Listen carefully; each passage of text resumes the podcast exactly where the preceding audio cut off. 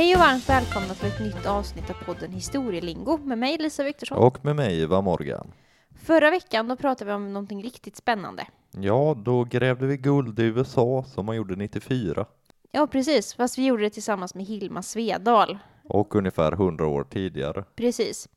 Eh, men idag ska vi prata om någonting helt annat. Ja, idag blir det ett avsnitt om skrupelfri cynisk politik som skulle kunna platsa i vilken fantasyroman som helst. Mm. Men vi ska inte till någon fantasyroman, utan vi ska tillbaka i den svenska historien. Absolut, vi ska till sekelskiftet eh, runt 1600. Det ska vi, och till Vasaätten. Ja, Eh, vi drar igång.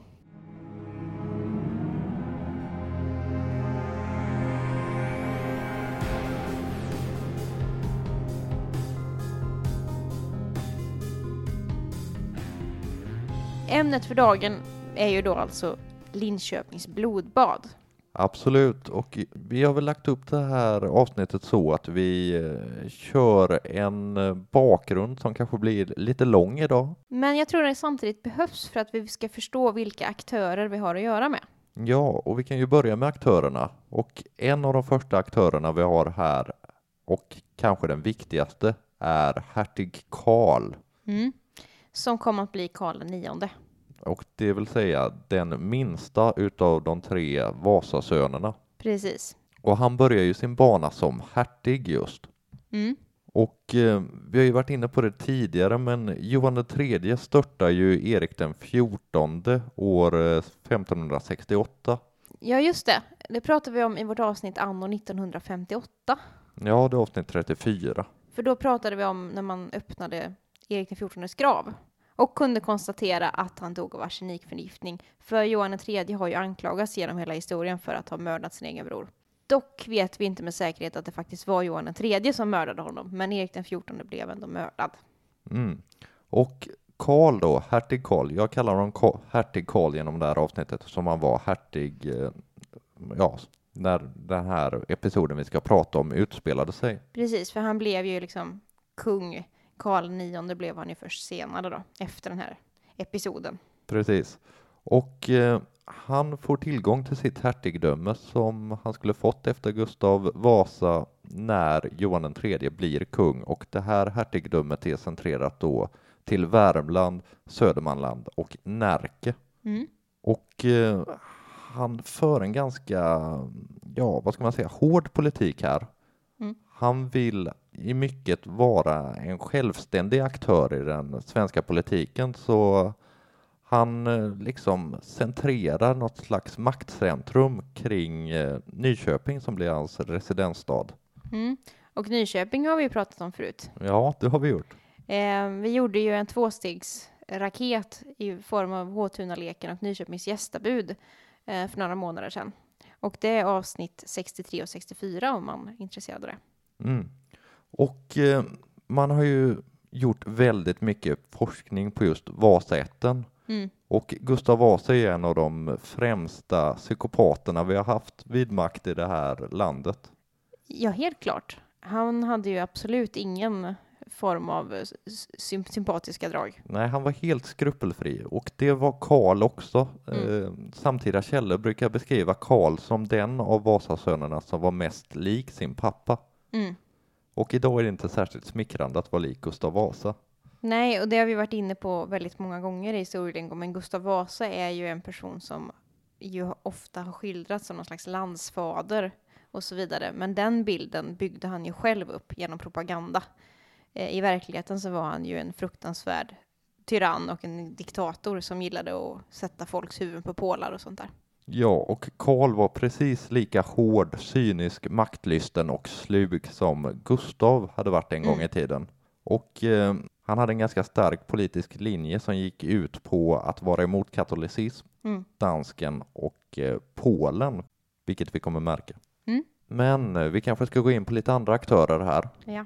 Vi har ju en annan man som inte kanske är så viktig för just eh, de händelser vi ska diskutera, men vi har redan varit inne på honom och han är bra att ha med i bakgrunden och det är ju Johan den tredje.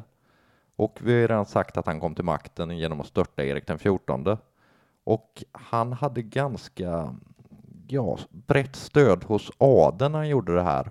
Och det här kommer bli viktigt för det vi ska diskutera, för i och med att han hade stöd av adeln så blev han således tvungen att hjälpa till att befästa adelns makt och privilegier i Sverige. Mm. Och adeln var en samhällsklass som var på frammarsch nu. Det är många som hade varit nere på kontinenten och bildat sig på olika utländska universitet och kommit i kontakt med så kallade anti-absolutiska idéer. För vi får ju tänka att vi befinner oss i renässansen nu och det finns en idé om att den första ska vara hård och absolut Mm. vilket inte minst syns i alla de här så kallade förstespeglarna som kommer under den här tidsperioden och den mest kända av de här är kanske Machiavellis Försten. Ja, precis. Och eh, adeln, de vägrar att gå med på det här på samma sätt som det varit tidigare. Så man lyckas förhandla fram att man ska ha ett riksråd som ska vara aktivt, det ska vara politiskt aktivt och ha saker att säga till om i viktiga frågor. Ja, just det. Så här har vi kanske det, då det politiska läget och eh, vi ska ha in en ny aktör här på arenan och det är ju Sigismund. Mm. Och eh, Sigismund, han var ju då son till Johan tredje och eh, Katarina Jagellonica. Och eh, Katarina Jagellonica var ju en polsk prinsessa från början Mm. innan hon blev drottning av Sverige och var härvidlag katolik. Ja, och det är ju viktigt för den här historien vi ska berätta idag. Absolut. Med tiden så kom faktiskt Sigismund att bli kung i Polen. Mm. Och det var Johan den tredje och adeln och riksrådet då helt enkelt som hade slått sina sluga huvuden ihop och kommit på att det är ganska bra om vi lyckas eh, skapa en stark allians med just Polen. För man var ju rädd för ryssen som man har varit så många gånger i historien. Ja, det är väl många som är fortfarande. Så 1587 så kröns Sigismund till kung i Polen. Och det tyckte man var jättebra. Det var en svensk-polsk union mot Ryssland. Mm. Adeln var glada. Johan den tredje var ganska glad från början. Men han kände väl mer och mer att han började tappa kontrollen över sin son. Mm. För eh, Sigismund blir ju mer och mer polack kan man säga. Ja, han, han var ju till hälften polsk via sin mor då. Ja, och han flyttade till Polen Mm. och umgicks med polacker och eh, hade såklart Polens eh, intressen som sitt eh, största fokus. Ja, det blev ju hans primära eh, intresse eftersom att det var där han bodde och det var där han verkade. Johan den tredje, han börjar bli ilskna till över det här. Mm. Först har han lyckats förhandla så att grabben ska bli kung och sen så gör gra- grabben lite grann vad han själv vill. Det här var inte kul.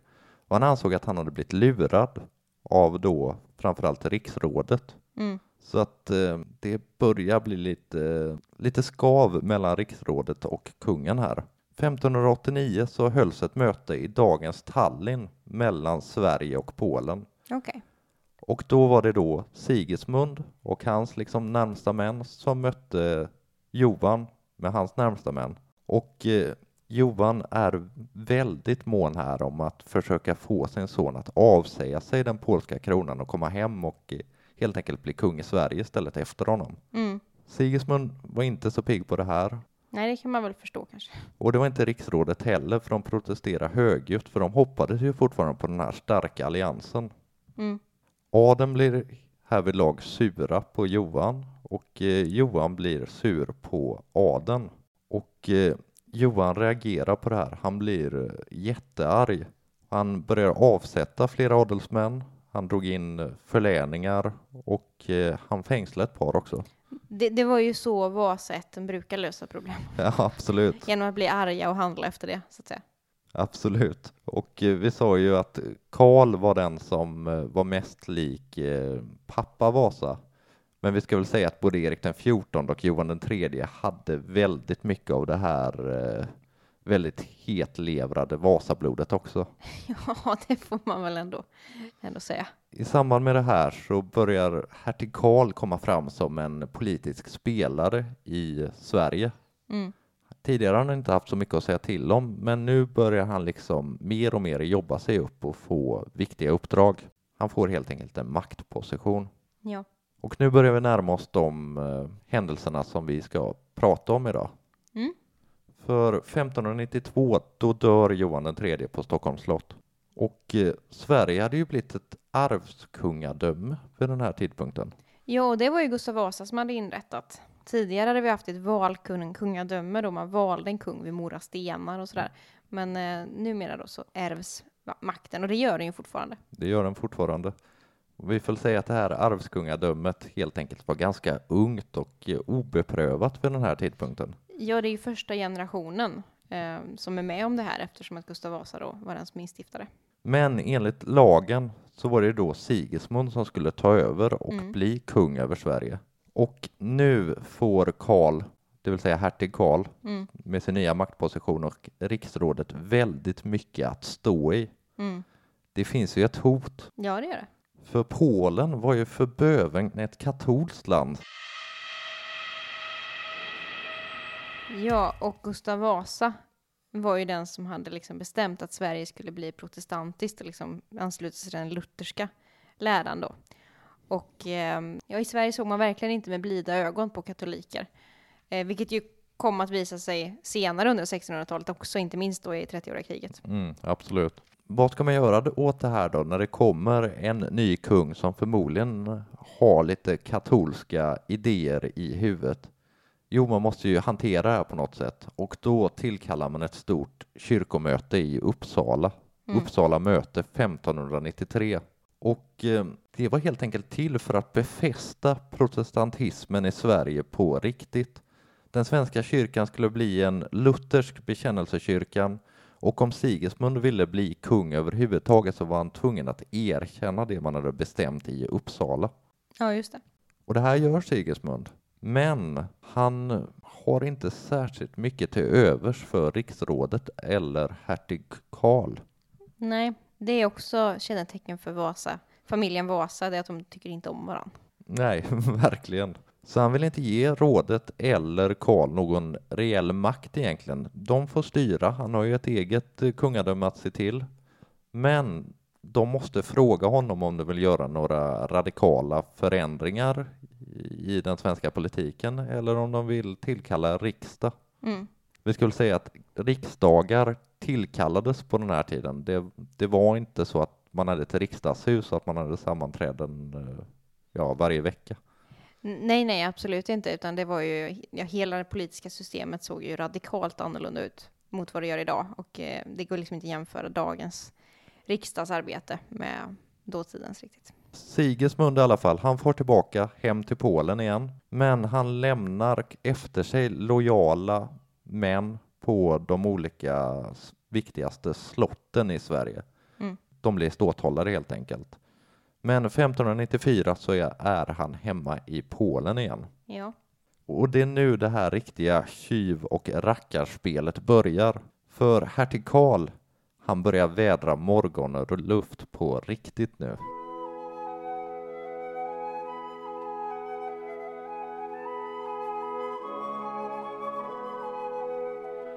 Ja, han såg ju sin chans i och med att Sigismund var på liksom geografiskt bra avstånd då. Absolut. För så fort Sigismund har åkt hem, ja, nästan direkt, så bryter han överenskommelsen och tillkallar en riksdag i Söderköping. Och här lyckas han med någonting som inte alls stod i den här överenskommelsen man hade kommit överens om. Han lyckas bli hyllad som riksföreståndare i Mm. Sverige. Mm. Och det här gör ju att det blir politiska oroligheter när han helt sonika har trotsat sin kungs eh, vilja, nästan som en tjurig barnunge. Mm. Det blir lite oroliga år.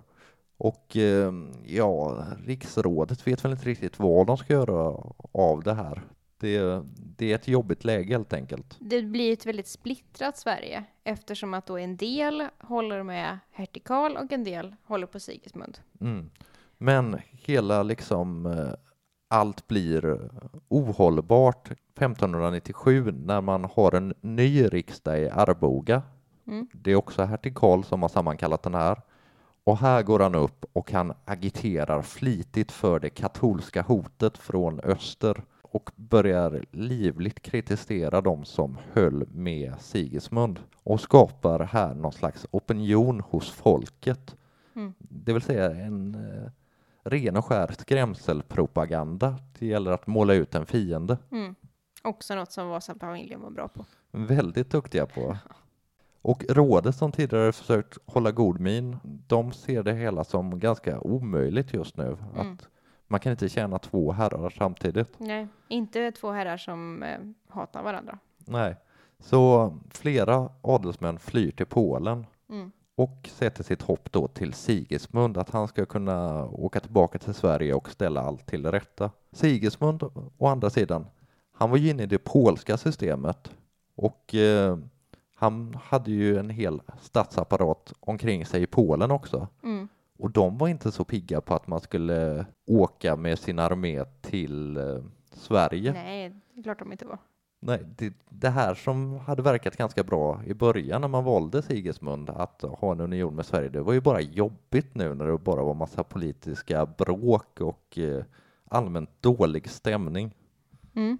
Så varför skulle de lägga sig i? Men till slut så lyckas Sigismund få en liten här, alltså inte hela den polska armén, för om det hade varit hela den polska armén så hade det förmodligen sett helt annorlunda ut det som kommer hända snart. Och han seglar till Sverige och landsteg i Kalmar i slutet av juli 1598. Och här är det en del svenskar som ansluter sig till eh, Sigismunds armé Mm. samtidigt som hertig Karl har samlat ihop en eh, betydligt mycket större armé i sitt eget hertigdöme. Sigismund har också med sig en hel del legoknektar, Mm. kan vi lägga till. Och ja, en del historiker tror att Sigismund egentligen var inställd på diplomati, Mm. men eh, det var inte Karl. Nej. Och man vann ju några liksom eh, militära segrar här. Man intog till exempel Stockholm ett litet tag. Men sen så hände något. Ja, dels Stockholm och sen Kalmar som du sa. Man Mm. gör ju också ett litet slag vid Stegeborg eh, på ostkusten. Och eh, i det här slaget vid Stegeborg så blir Sigismunds styrka ganska, ganska sårad. Mm. Sigismund vinner vid Stegeborg, men eh, armén är väldigt stukad. Men då fortsätter man liksom in i Östergötland och det är nu Linköping liksom blir skådeplats.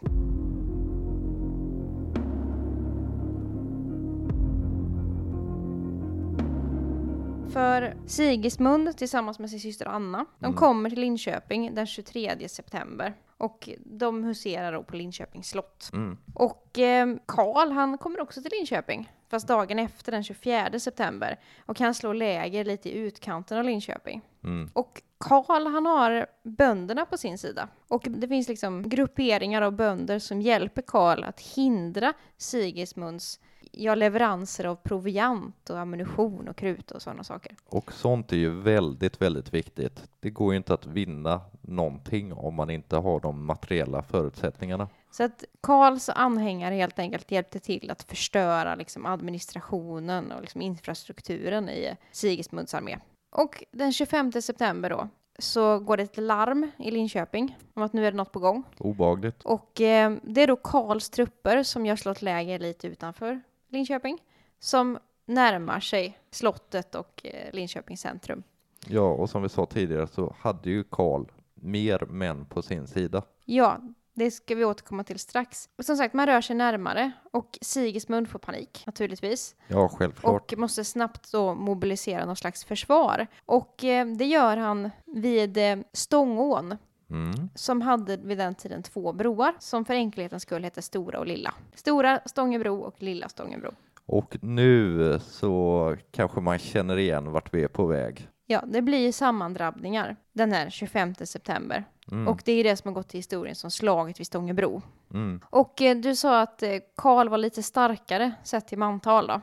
Mm. Totalt vid det här slaget vid Stångebro var 20 000 soldater inblandade. Det är ganska många för den här tiden. Ja, det är väldigt många och eh, på väldigt liten yta. Och eh, Sigismund han hade ungefär 8 000 Mhm. medan Karl stod då för majoriteten då 12 000 man ungefär. Och eh, det blir ett blodigt slag utan dess like. Dels så dör väldigt många i rent militärt, att de blodigt helt enkelt. Men de, de, de befinner sig på en bro. Ja, och det är ju en väldigt liten och trång yta. Mm. Även om det är en stor bro så blir det en liten och trång yta, så det blir som en flaskhals ungefär. Precis, och många ramlar ju av bron och drunknar helt enkelt. Och eh, enligt liksom, ja, det som har mun- muntligt traderats så brukar man säga att ögonvittnen ska ha sagt att man på de döda kroppar kunnat både gå och rida över ån. Ja, det är en grotesk syn man får för sitt inre när man hör det citatet. Ja, verkligen. Men Karl vinner den här bataljen Mm. och eh, Sigismund förlorar slaget och han blir av med 2000 man. Ja, det är ganska många. Det är en relativt liten andel av eh, Karls soldater som omkommer då, utan det är framförallt Sigismunds armé som, som stukas. Och 2000 man, det är väldigt många. Mm. Vid ett enda slag, Ja, det får man ju säga. under några timmar liksom. Så. Men som sagt, alla dog inte i strid, utan många drunknade också när de föll då från bron. Och eh, det blir kaos i Linköping efter det här. För Ja. att Det får man ju verkligen säga. ni kan ju tänka er att alltså, Linköping hade ju inte den storleken som Linköping har idag. Nej, utan det var en betydligt mindre stad. Och eh, drar man in 20 000 soldater i strid så får det effekter på samhällsbilden. Självklart. Och eh, de här broarna till exempel var totalt förstörda och väldigt mycket annan liksom, arkitektur eh, i Linköping. Och eh, då bestämmer hertig Karl för att han vill ju ha Linköpingsborna på sin sida liksom och ja, att de ska tycka om honom. Självklart. Och eh, han gör dem skattebefriade. I hela två år framåt så ska Linköpingsborna slippa betala skatt. Och det här har ju lite grann med hans politiska program att göra, att han ville vinna en bred folklig majoritet mot fienden då som blir katoliken. Ja, precis. Men hur som helst då, efter det här slaget den 25 september 1598 så eh, inleds fredsförhandlingarna. Innan fredsförhandlingarna så är det förstås en parad. Ja, självklart, Där- det måste man ju ha när man där, har vunnit något. ja, där liksom eh, Karl går någon slags segertåg genom Linköping. Mm. Men eh, fredsförhandlingarna drar igång på Linköpings slott och då möts Karl och Sigismund. Och vad händer då kan man tänka? Ja, Sigismund har ju en lite sämre hand om man skulle prata kortspel än vad Karl har. Ja, det har han. Men det som framförallt händer är att det blir fest. Ja, För att efter det här slaget så firar man tillsammans. Alltså Karl och Sigismund har en gemensam fest på Linköpings slott. Det kan inte alls ha varit lite stelt. Det, det, jag tycker det är helt obegripligt egentligen att man kan då, som i Sigismunds fall som har förlorat 2000 man i sin armé och sen så har man en fest där man firar motståndaren. Liksom. Jättekonstigt. Men som sagt, Sigismund, han satt med en sämre hand som sagt, som, om man pratar kortspel. Men, men de blir liksom vänner på något vis i de här fredsförhandlingarna. Det, ganska, det, det går fredligt tillväga. Mm. Och eh, Sigismund, han ska fortfarande få vara svensk kung. Ja, Men det finns ett krav. ja, det finns väl egentligen några olika krav Mm. mot det här. Och ett krav är att han genast ska bege sig då till Stockholm och ta tag i Sverige och styra Sverige. Ja, precis. Han skulle delta i en eh, riksdag och Mm. man skulle där liksom lösa de här, eh, ja, de här jobbigheterna som hade varit. Ett annat sånt här krav var att de polska trupperna skulle hem genast. Precis. Och eh, Sigismund, han var ju av Vasablod, så han höll ju inte vad han lovade.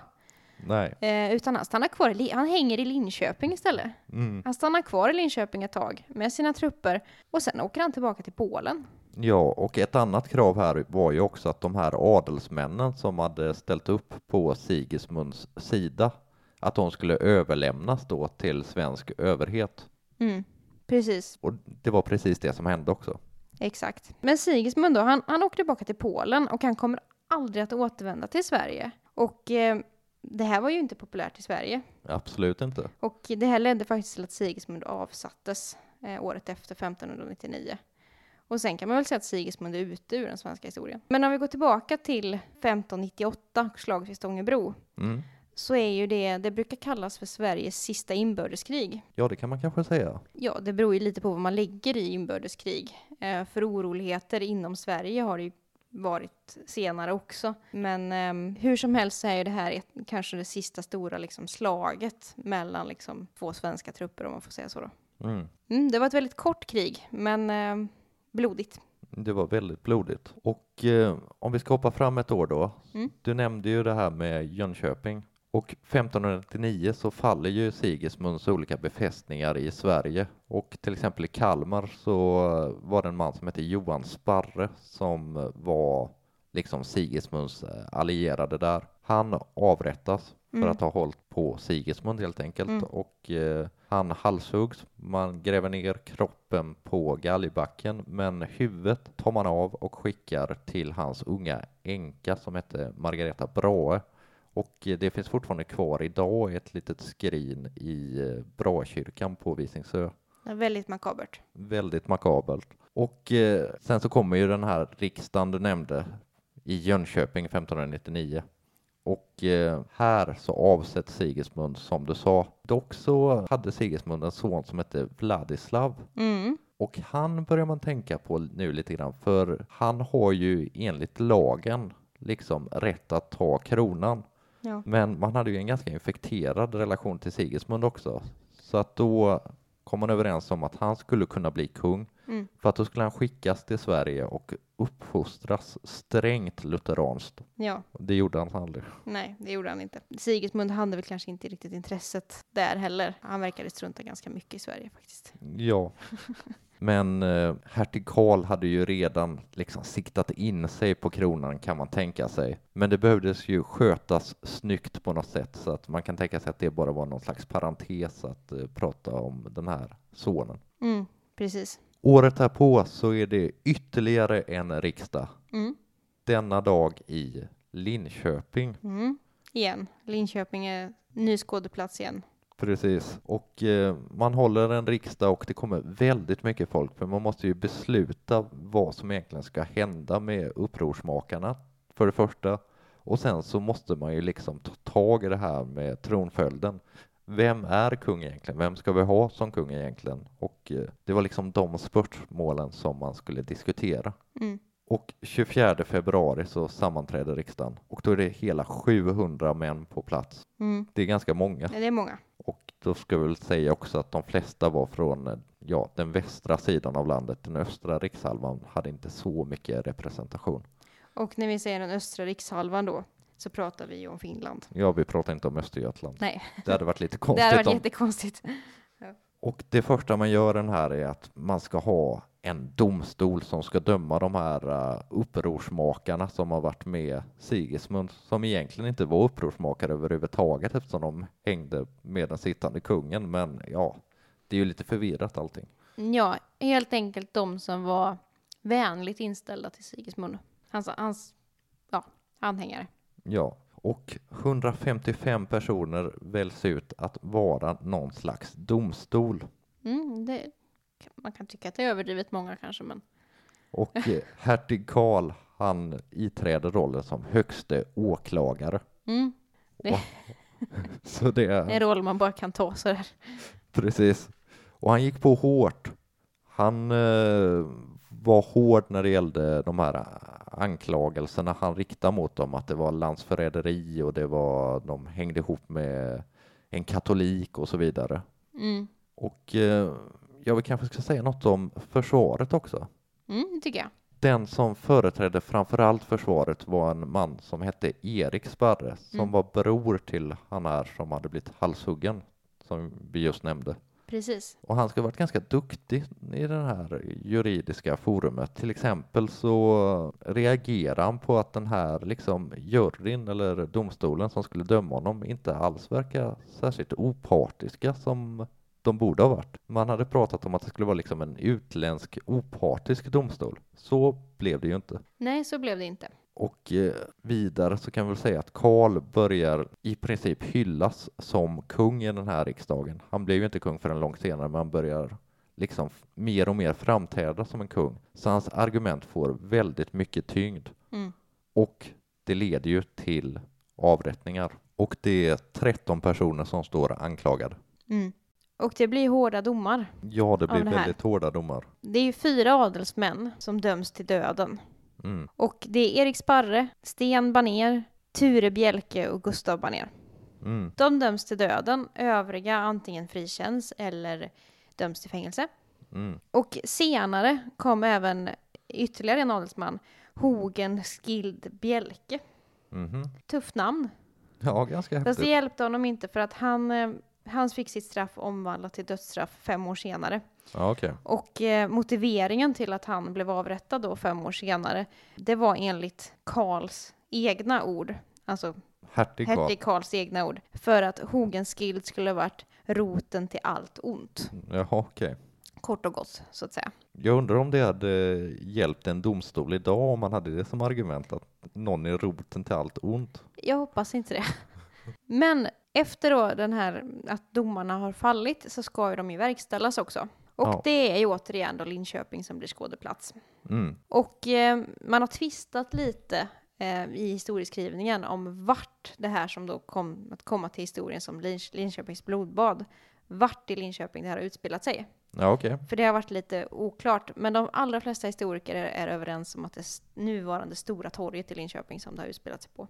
Ja, det har ju vissa likheter med Stockholms blodbad som också var på ett torg. Ja, precis. Och det man har dividerat om då, det är ju andra torg som man har eh, eventuellt trott att det kan ha utspelat sig på, Järntorget till exempel. Men Mm. de flesta är rörande överens om att det är stor, Stora torget, eller nuvarande Stora torget då. Men det här datumet som är satt till det här kalaset, eller jag på att säga, men det var ju så, vi, vi har ju pratat om det förut, att det var ju offentliga avrättningar Mm. vid den här tiden och det var en folkfest, konstigt nog. Ja, och det var ju ett sätt för överheten också att befästa makt. Ja, naturligtvis. Och så återigen skrämselpropaganda. Att om ni inte gör som vi säger så blir det så här för er också. Och hertig Karl var väldigt duktig på skrämselpropaganda. Precis. Men det här, de här avrättningarna, de lockade en väldigt stor publik. Så stor publik att man fick liksom ha vakter. Alltså tänk dig kravallstaket på en festival eller någonting idag. Man fick liksom ha vakter som motade tillbaka publiken för det var så stor publik. Ja, okej. Men datumet är då satt till den 20 mars 1600 och det är inte bara den 20 mars, det är självaste skärtorsdagen. Mhm. Så det är dessutom liksom en högtid som det här ska hända på.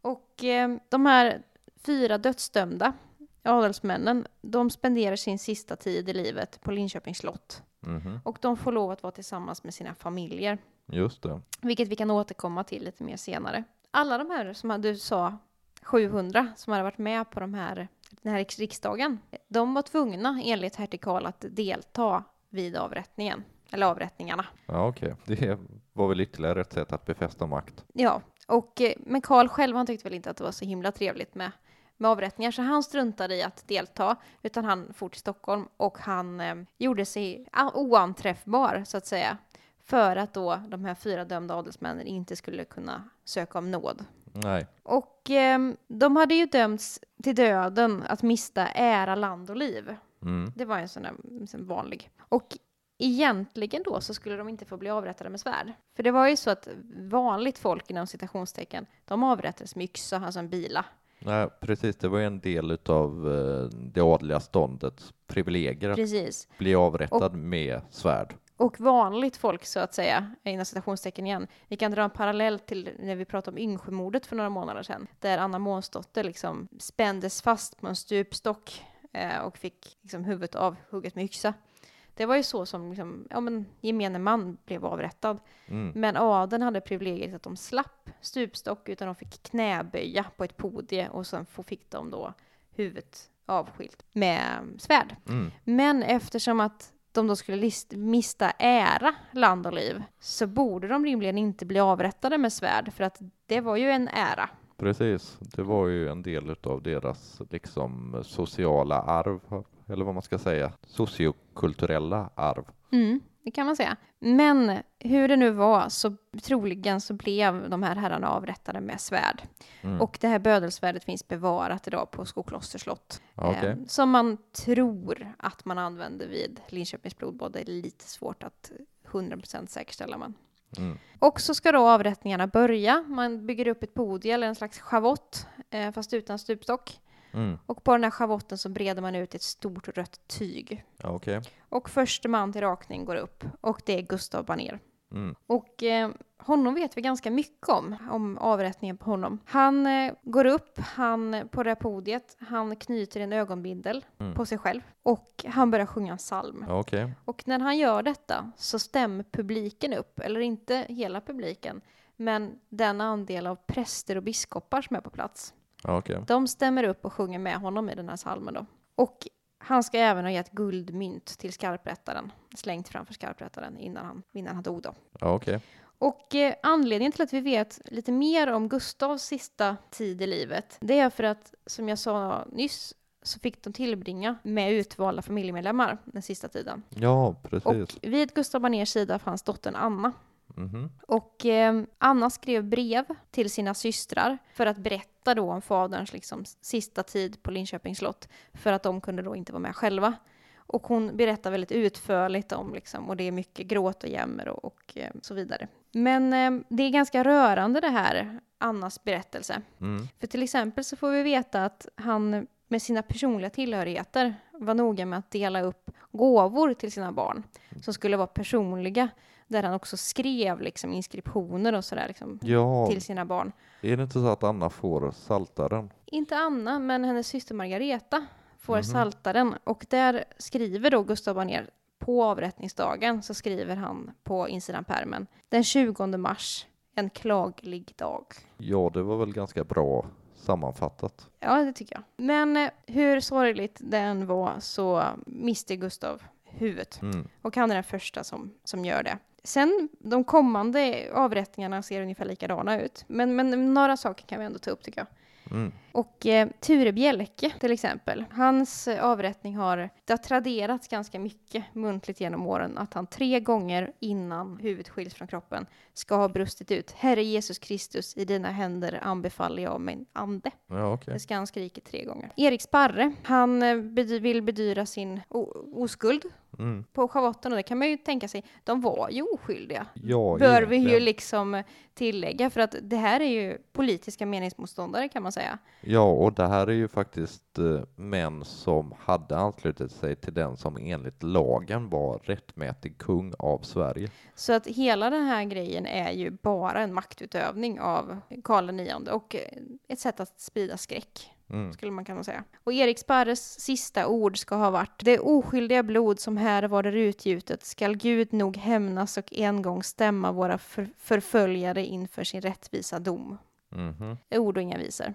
Ja, det får man ju säga. Och eh, alla de här fyra adelsmännen gör då som Gustav Banér, den första avrättade, gjorde. De sjunger psalmer precis innan, innan de dör då. Då kan man tro att när de här fyra männen är avrättade, så tror man att det är klart. Mm. Det är det inte. Utan då kallar man upp två andra män. Arvid Stålarm och Axel Kurk. Vilka var de här då? Ja, de hade varit med vid riksdagen och de var ditbjudna i egenskap av finsk, finsk adel från den östra rikshalvan som du var inne på tidigare. Och problemet med dem var att de var vänner med Sigismund. Ja, och det är väl inte jättebra att vara på den platsen om man är kompis med Sigismund. Och de hade inte blivit dömda, Nej. utan de kallas upp efter de, de här fyra första avrättningarna eh, gjorda så kallas de upp på det podiet. De får knäböja framför skarprättaren och precis innan när han står liksom eh, och ska hugga huvudet av dem så kommer det fram att de bara har skojat. Nej, ni ska inte avrättas, men eh, om ni inte passar er så kommer det att ske eh, inom en snar framtid, ungefär. Ja, Det är väldigt grymt gjort, jag. verkligen. Och de ska ha blivit väldigt arga och eh, skrikit av frustration efteråt. Kan man förstå kanske. Men det är faktiskt ett huvud till som ska rulla under Linköpings blodbad. Mm. Utöver Erik Sparre, Sten Banér, Ture Bjelke och Gustav Banér. Och det är en man som heter Bengt Falk. Ja, okej. För han kallas också upp på podiet. Mhm. Och eh, problemet med honom det var att han var katolik. Ja, och det fick man inte vara i det var- strängt lutheranska Sverige. Nej, det här var ju ingen religionsfrihet alls på den här tiden, utan du skulle vara protestant och så var det. Men eh, han var Linköpingsfödd och han var biskopsson. Hans far hade varit ja, en av anhängarna till Gustav Vasa och liksom varit en av dem som slogs för att få ett protestantiskt Sverige. Och sonen då vänder sig emot det och blir katolik. Mm. Och han avrättas också vid Linköpings blodbad. Så att fem personer miste livet vid det, vid, vid det här blodbadet då. Och eh, då kan man ju fundera på, på varför man gjorde Linköpings blodbad. Ja, det finns väl en mängd olika teorier om det här. För som vi sa, det här var ju, os- de var ju oskyldiga. Mm. De här f- fyra förstnämnda adelsmännen, det enda de hade gjort var att de hade, ja, varit anhängare till dåvarande kungen. Mm. Så de har inte gjort någonting. Så att förmodligen handlar det om propaganda. Att Karl IX vill sprida skräck och man statuera exempel på att så här kan det gå om ni inte är med mig. Precis, och han var ju en eh, lite försiktig person i all sin grymhet också, för han blir ju inte utnämnd till kung precis efter det här, utan han fortsätter ju vara riksföreståndare fram till 1603. Mm. Och 1604 så är det en annan av Johan IIIs söner som heter Johan som avsäger sitt, sitt anspråk på tronen. Och sen så blir han ju faktiskt inte krönt förrän 1607, så det är ju ganska långt efter det här. Och sen dör han ju 1611, så han är ju inte kung speciellt länge. Nej, Men ehm, ja, hu- hur eftervärlden har sett på Linköpings blodbad. Linköpings blodbad är inte jättekänt, tror jag. absolut inte om man jämför det med Stockholms blodbad.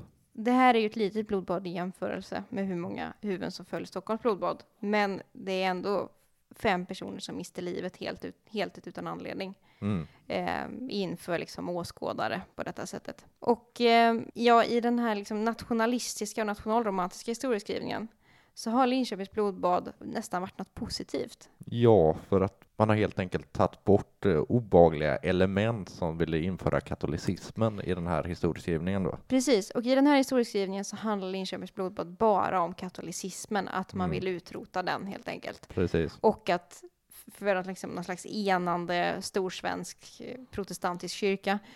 Men eh, jag vet inte, jag tror nog att det snarare handlar om ren propaganda, politisk propaganda ifrån hertig Karl.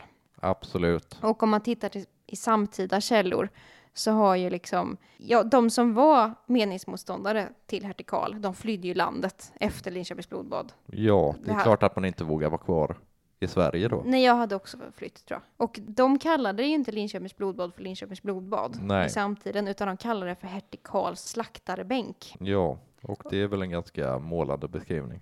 Precis. Så att eh, förmodligen handlade det mer om att befästa makt än att liksom slåss för någon slags religiös eh, situation. Absolut. Men det var väl det egentligen vi hade om Linköpings blodbad. Ja, det är ju en väldigt hemsk händelse, men eh, det var intressant att kolla närmare på det. Och det som gör Linköpings blodbad intressant idag, det är ju att man ser väldigt tydligt hur makten kan liksom befästa makt på det här sättet. Absolut. Att man tog till vilka medel som helst. Ja, och det var inte bara Vasarna som gjorde det här, utan Nej, det nej. säger ju någonting om den tidsanda som rådde i, ja, egentligen hela världen vid den här tidpunkten. Ja, och om man liksom kollar på, på det här med dödsstraff och liksom att man mördar politiska meningsmotståndare, det är ju tyvärr sånt som faktiskt fortfarande händer runt om i världen. Mm. Så det är ju inget som är utrotat. Och eh, tittar man på svensk historia så finns det mängder av exempel där kungar har använt sig av olika typer av propaganda. Absolut. Och eh, familjen Vasa är kanske experterna på det framför allt. Ja, det har nog aldrig funnits en dynasti i Sverige som har varit så blodtörstig och cynisk som Vasaätten. Nej, det jag vill jag hålla med om. För att varje generation av Vasaätten har varit så otroligt krigslysten. Ja, Och inte bara krigslysten utan det har liksom handlat om tortyr och eh, som sagt att, att liksom döda de som stod i vägen på ett vis. absolut. Och eh, det fortsätter de ju med sen också. Sigismunds kusin Gustav II Adolf var ju inte heller jättetrevlig. Det var han verkligen inte. Det kanske finns anledning att återkomma Absolut. om ni tycker att det här var intressant. Nästa vecka däremot så ska vi prata om något trevligare. Ja, mycket trevligare. Då blir det måltidshistoria och vi ska till 1700-talet. Ja, för vi ska nämligen prata om en av våra första, vad ska man kalla mästerkockar. Mm. Vi ska nämligen prata om Kajsa Warg. Mm. Och det tror jag blir jättekul. Skulle ni ha några frågor fram till dess innan vi hörs nästa gång så går det bra att kontakta oss också. Vi har en e-mailadress som är historielingo.gmail.com Och ni kan även följa oss på Instagram. Och där heter vi Historielingo. Och eh, ja, häng gärna med där. Absolut. Ni får ha det jättebra till nästa vecka så hörs vi då. Jag hoppas ni vill vara med på torsdag. Ha det bra. Ha det gott. Hej. Hej.